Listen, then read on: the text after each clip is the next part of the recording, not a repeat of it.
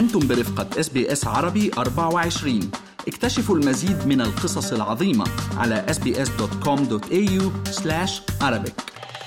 تسارعت التطورات في الشرق الأوسط في الأيام الأخيرة وكان لها ردود فعل في أستراليا والعالم. فمن قرار محكمة العدل الدولية إلى قضية تجميد تمويل وكالة الأونروا من قبل الولايات المتحدة وأستراليا ودول غربية أخرى على خلفية ادعاءات بأن بعض موظفي الوكالة تورطوا بهجوم السابع من أكتوبر إلى مقتل ثلاثة جنود أمريكيين في قاعدة عسكرية على الحدود الأردنية السورية وتوعد الرئيس الأمريكي جو بايدن بالرد تتعقد الأمور في الشرق الأوسط. عن هذه المواضيع تحدثنا مع رئيس البعثة الدبلوماسيه الفلسطينيه في أستراليا ودول المحيط الهادئ السفير عزت عبد الهادي. سألناه أولا عن رد فعله على قرار محكمة العدل الدولية الذي صدر مساء يوم الجمعة الماضي آه، هو يعني آه، قرار تاريخي قرار غير مسبوق آه، قرار مفيد في تاريخ الصراع الفلسطيني آه، الإسرائيلي لم يسبق لإسرائيل ابدا أن تعرضت للمساءلة وهي الآن آه، تعرضت للمساءلة في آه، محكمة العدل الدولية. إضافة إلى ذلك تم تثبيت أن نقاش موضوع الإبادة الجماعية هو من اختصاص هذه المحكمة ورفضت هذه المحكمة الادعاء الإسرائيلي بأنها ليس لها انتداب أو ولاية لنقاش هذا الموضوع. هذا موضوع في غاية الأهمية ولذلك سوف تستمر آه، في نقاش موضوع انطباق آه، اتفاقية الإبادة الجماعية على الوضع آه، في غزة. المنتج الثاني الهام من من من قرارات هذه المحكمة هو الإجراءات الطارئة provisional measures المؤقتة وبالتالي أيضا ثبتت المحكمة أن من اختصاصها آه، أن تصدر مثل هذه الإجراءات. وكانت هناك قائمة طويلة من الإجراءات التي قامت بها المحكمة والتي طلبت فيها إسرائيل بشكل واضح بحماية المدنيين، بعدم قتل المدنيين، بعدم استهداف المستشفيات، بعدم استهداف المنشآت المدنية البيوت العائلات آه، أيضا بمسؤولية إسرائيل بأن لا تمنع آه، الكهرباء والماء والوقود وكذلك آه، عدم وجود مجاعة في غزة. مجموعة كبيرة من المطالبات التي قامت بها المحكمة لإسرائيل. وأيضا وهذا المهم أن تقدم تقريرا خلال شهر من تاريخه حول استجابة إسرائيل لكافة هذه القرارات من قبل هذه المحكمة. قرارات هذه المحكمة غير قابلة للاستئناف وهي ملزمة. آه، وطبعا بعد ذلك تم إحالة هذه هذا هذه القرارات إلى مجلس الأمن. طبعا آه، عندما يناقش مجلس الأمن ذلك نتوقع آه، فيتو من قبل الولايات المتحدة الأمريكية للأسف ولكن ما هو هام في هذا الموضوع؟ وإثارة الوعي وتعليم المجتمع الدولي والجماهير في مختلف الدول عن الإطار التاريخي. والمضمون التاريخي للصراع الفلسطيني الإسرائيلي ولذلك يعني انعقاد هذه المحكمة بحد ذاته البروسيس مهم جدا. أستاذ عزت عبد الهادي ما رأيكم بتجميد أستراليا وغيرها من الدول الغربية لتمويل وكالة غوث وتشغيل اللاجئين الفلسطينيين التابعة للأمم المتحدة المعروفة بالأونروا وذلك بعد مزاعم واتهامات بأن عددا من عناصرها أو الموظفين لديها تورطوا بشكل من الأشكال في هجمات السابع من أكتوبر التي شنتها حماس ضد إسرائيل. قرار في غاية السوء للأسف الشديد قرار سيء جدا قرار محبط. لم نتوقع ابدا من أستراليا أن تقوم أو أن توافق على الانضمام إلى الولايات المتحدة في وكندا في موضوع معاقبه الأونروا ووقف التمويل إليها. شيء غريب جدا أن يتم ذلك في هذا الوقت الحاضر الذي يعاني منه سكان قطاع غزة من أزمة إنسانية كبيرة ومن عدوان غير مسبوق إسرائيلي على الفلسطينيين ومن حرمانهم من كافة أشكال الحياة الموجودة وحرمانهم من الكهرباء والماء والوقود وأيضا ليس يعني التدمير الواسع لغزة وعدم وصولهم إلى أي مساعدات إنسانية كافية في الوقت في الوقت الحاضر. الناس لا تعلم أن الأونروا هي مقدم الخدمات الأساسية للاجئين الفلسطينيين ليس في غزة فقط وإنما في سوريا ولبنان والأردن. وخاصة في في قطاع غزة. وبالتالي آه، هناك 30 ألف موظف تقريبا في في الأونروا يعملون منهم 13 ألف في آه، قطاع غزة يعتبر ذلك عقوبة جماعية إضافية على السكان في غزة ما ذنب السكان في قطاع غزة إذا كان هناك 12 فرد من حماس أو تحميل قطاع غزة هذا الموضوع. يعني هذا هذا في غاية الأهمية. هي أهم service provider أهم مقدم خدمات. لديها كل ال logistics لديها كل ال infrastructure كي تقوم بذلك. للأسف هذا القرار في منتهى الخطورة. وسوف يمس بحياة آلاف ومئات الآلاف من النساء في قطاع نعم. ملايين برأيك هل ستتوصل التحقيقات التي ستجريها الأمم المتحدة بهذا الخصوص إلى نتيجة معينة وتكون شفافة لكي ربما يتم إنقاذ المساعدات الإنسانية في وقت لاحق؟ طبعا اولا الأمين العام السكرتير العام للأمم المتحدة قام بإجراء فوري تم عزل إقالة عشر أشخاص الشخص الحادي عشر متوفي ولا نعرف عن الشخص الثاني عشر. هم 12 شخص اللي كان في ادعاءات بأن لهم علاقة بهجوم السابع من أكتوبر. وقد قام الأمين العام بذلك كما وعد بإجراء يعني تحقيق شفاف حول ذلك. كيف يمكن اتخاذ إجراء من هذه الدول قبل الانتهاء من التحقيقات؟ وأيضا وبعد أن تم يعني إقالة هؤلاء العشرة أشخاص، لماذا لا تقوم أستراليا فورا بإعادة التمويل وهذه الدول؟ الموضوع الثاني المهم كيف يمكن لإدارة الأونروا أن تقوم بتحديد هويات السياسية لحوالي 13 ألف شخص يعملون في غزة؟ موظف. من ناحية كاباسيتي ومن ناحية انتداب ومن ناحية مسؤولية ومن ناحية اختصاص لا تستطيع هذه المؤسسة أن تحدد الهويات السياسية لكل فرد يعمل بها أو لكل مستفيد. الغريب في هذا الموضوع أن هذه الدول تطلب من الأونروا أن لا يتم استفادة أي شخص أيضا من حماس أو له علاقة بحماس بخدمات الأونروا طب كيف يمكن لهذا الأونروا أن مليونين واثنين شخص بغزة بأن تقوم ب vetting process يعني تحاول إنها تشوف تفحص الهويات إذا في طالب أو في أستاذ بيعلم أو في واحد هيلث وركر في في الوكالة. علما 80% طبعا لاجئين في غزة. يعني هدول 80% من سكان غزة يتلقون خدمات تعليمية وصحية وبال وبالعلاوات الاجتماعية والإعانات الاجتماعية نعم. من من الانروا فموضوع في غاية الصعوبة أنا رأيي إنه هذا موضوع كثير غريب وأيضا إذا أخذنا نظريه المؤامرة يريد أن يغطي فقط ولا يستجيب لما قررته محكمة العدل الدولي. وزيادة عقوبات على الناس. وعشان هيك هو مستغرب يعني. هل هناك دول أخرى ربما يعني قد تمد الوكالة بتمويل لتغطية النقص لا طبعا لأنه 70% تقريبا من تمويل الأونروا يأتي من هذه الدول وخاصة الولايات المتحدة الأمريكية. يعني ألمانيا ألمانيا والولايات المتحدة هما أكبر ممولين للأونروا. 70% تقريبا هلأ من تمويل الأونروا سوف يختفي.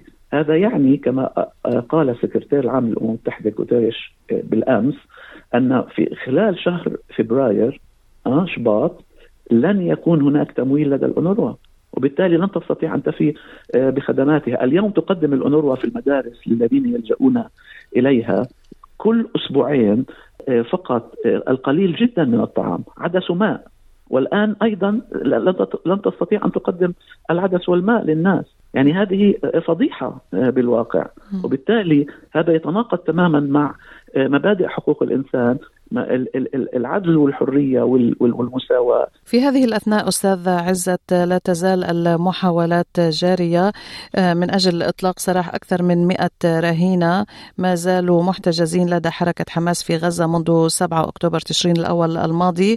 في باريس عقدت قمة رباعية شملت قطر والولايات المتحدة الأمريكية ومصر وإسرائيل وقالت إسرائيل بعد ذلك إن محادثات الوساطة في صفقة الرهائن بناءة لكن هناك فجوة فبرأيك يعني هل ممكن التوصل إلى اتفاق قريب يضمن إطلاق سراح الرهائن وأيضا التوصل إلى وقف لإطلاق النار؟ نتمنى أن يتم التوصل إلى اتفاق في باريس، انتهت المحادثات اليوم، هناك يعني تفاؤل من قبل كافة الأطراف بإمكانية التوصل إلى اتفاق في هذا الشأن، ولكن هناك خلافات على موضوع وقف كامل لإطلاق النار أو أن إسرائيل تريد أن توقفه فقط لمدة شهر أو شهرين إلى آخره لإطلاق سراح الرهائن، نتمنى أن يتم إطلاق سراح الرهائن ونتمنى أن يتم وقف شامل لإطلاق النار ونتمنى أن أن تزيد المساعدات الإنسانية لشعبنا في قطاع غزة. المهم لدينا هو أن يكون هناك حل يضمن وصول هذه المساعدات الإنسانية، وقف عمليات القتل والتشريد وقصف البيوت وقتل الناس بالجملة، هذا هو الموضوع الرئيسي، وبالتالي يعني نتمنى أن يصلوا قريبا إلى اتفاق جميع الأطراف وأن يضعوا مصلحة الناس والشعب الفلسطيني في غزة فوق أي مصلحة سياسية ضيقة وخاصة نتنياهو. الذي له مصلحة خاصة باستمرار هذه الحرب ويضع مصالحه الخاصة فوق مصالح حتى الرهائن في إسرائيل. سعادة السفير عزت عبد الهادي اليوم الرئيس الأمريكي جو بايدن توعد بالرد بعد مقتل ثلاثة جنود أمريكيين وإصابة 25 آخرين في هجوم على قاعدة عسكرية أمريكية على الحدود الأردنية السورية. الكثيرون تخوفوا من أن يكون هذا الحدث بمثابة إشعال فتيل الصراع والحرب في مناطق أخرى في الشرق الأوسط، فما رأيك؟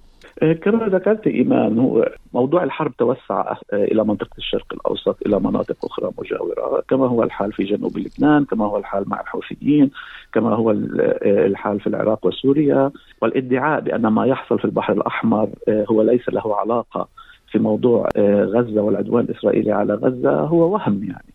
نحن نعلم أن هناك علاقة متبادلة بين كل هذه الأشياء وبالتالي الهجوم الإسرائيلي على غزة واستمرار معاناة الفلسطينيين سوف تحدث تاثيرا كبيرا وقد تتوسع الحرب بالشرق الأوسط وتحاول كل الأطراف بالواقع هي أن لا تصل ونحن نتمنى أن لا يكون هناك صراع كبير بالشرق الأوسط. ورأينا كما ذكرت اليوم كيف تم الهجوم على قاعدة عسكرية أمريكية ومقتل ثلاث جنود، لا تستطيع الولايات المتحدة أن تستمر في تسليح إسرائيل وأن تستمر في إمدادها بكافة أنواع هذه الأسلحة. وبتواطئها مع إسرائيل في عدم وقف إطلاق النار واستعمال الفيتو في مجلس الأمن وأن تقول بأنها سوف تبقى سالمة. الواقع أنها يجب أن يكون لديها واقعية سياسية وتعرف أنها طرف أساسي للأسف الشديد في هذه الحرب ومتواطئة مع إسرائيل. وبالتالي فإنها قد تتعرض حاليا أو في المستقبل لهجمات من هذا النوع.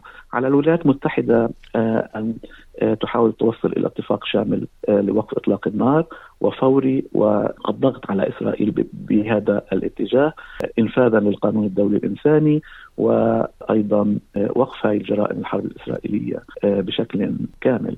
لا يمكن أن يتم امتصاص ردات الفعل عندما يجلس المواطن العربي أو الإسلامي أو حتى التقدمي أو حتى الأشخاص العاديين أمام شاشات التلفاز ويروا هذه المشاهد المروعة في قطاع غزة وهذا التجويع وهذه الهجرة القسريه للفلسطينيين في في قطاع غزة.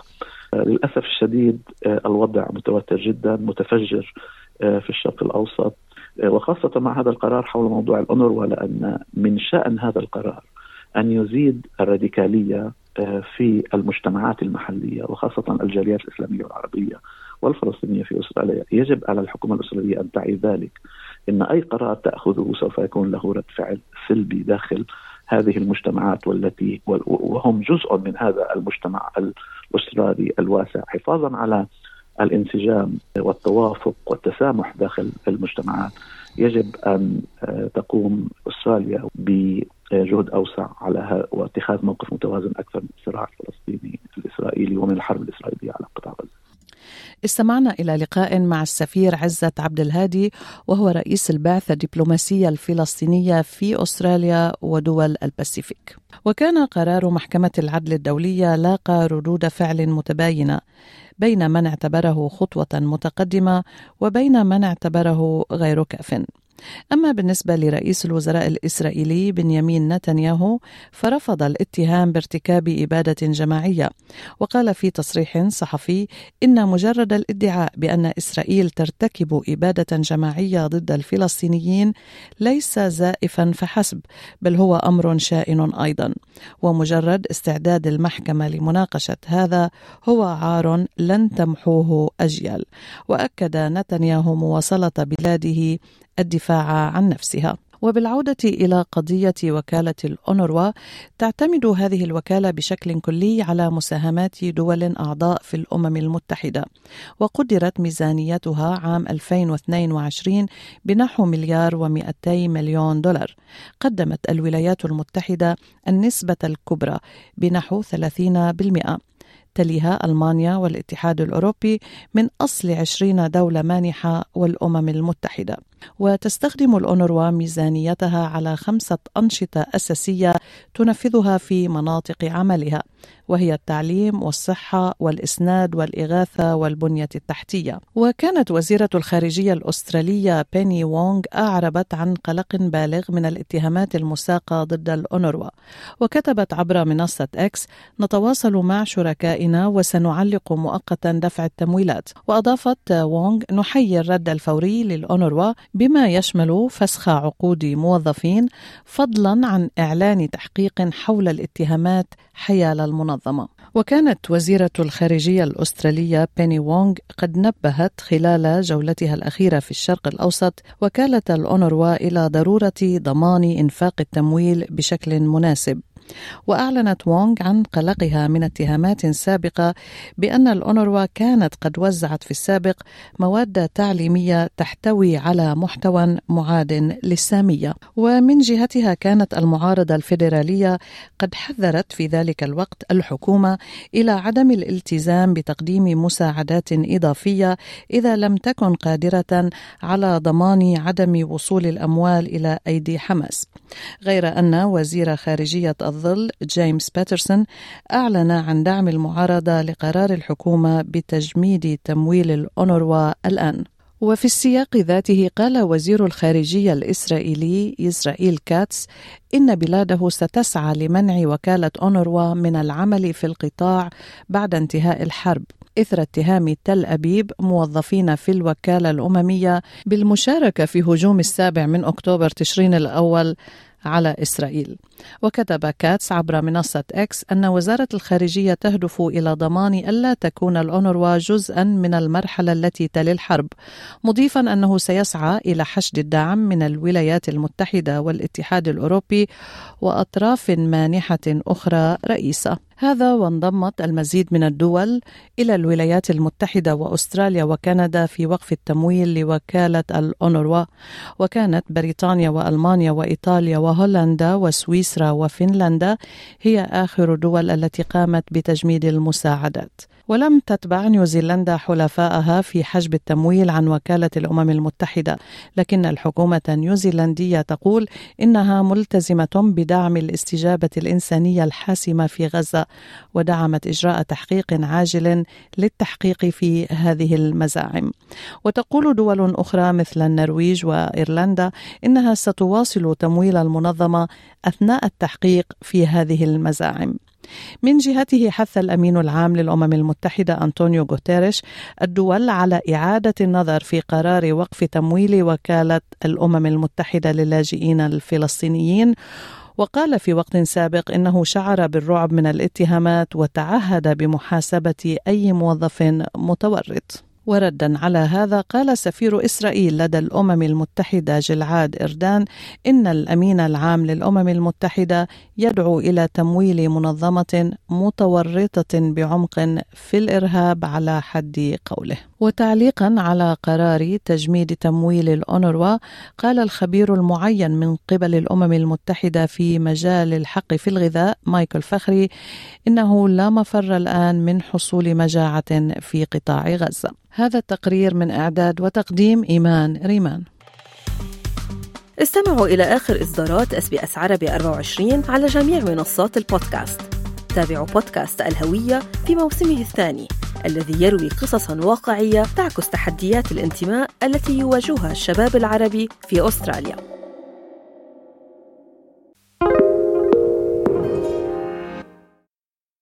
Get ahead of postage rate increases this year with Stamps.com. It's like your own personal post office. Sign up with promo code PROGRAM for a four week trial plus free postage and a free digital scale. No long term commitments or contracts. That's Stamps.com code PROGRAM.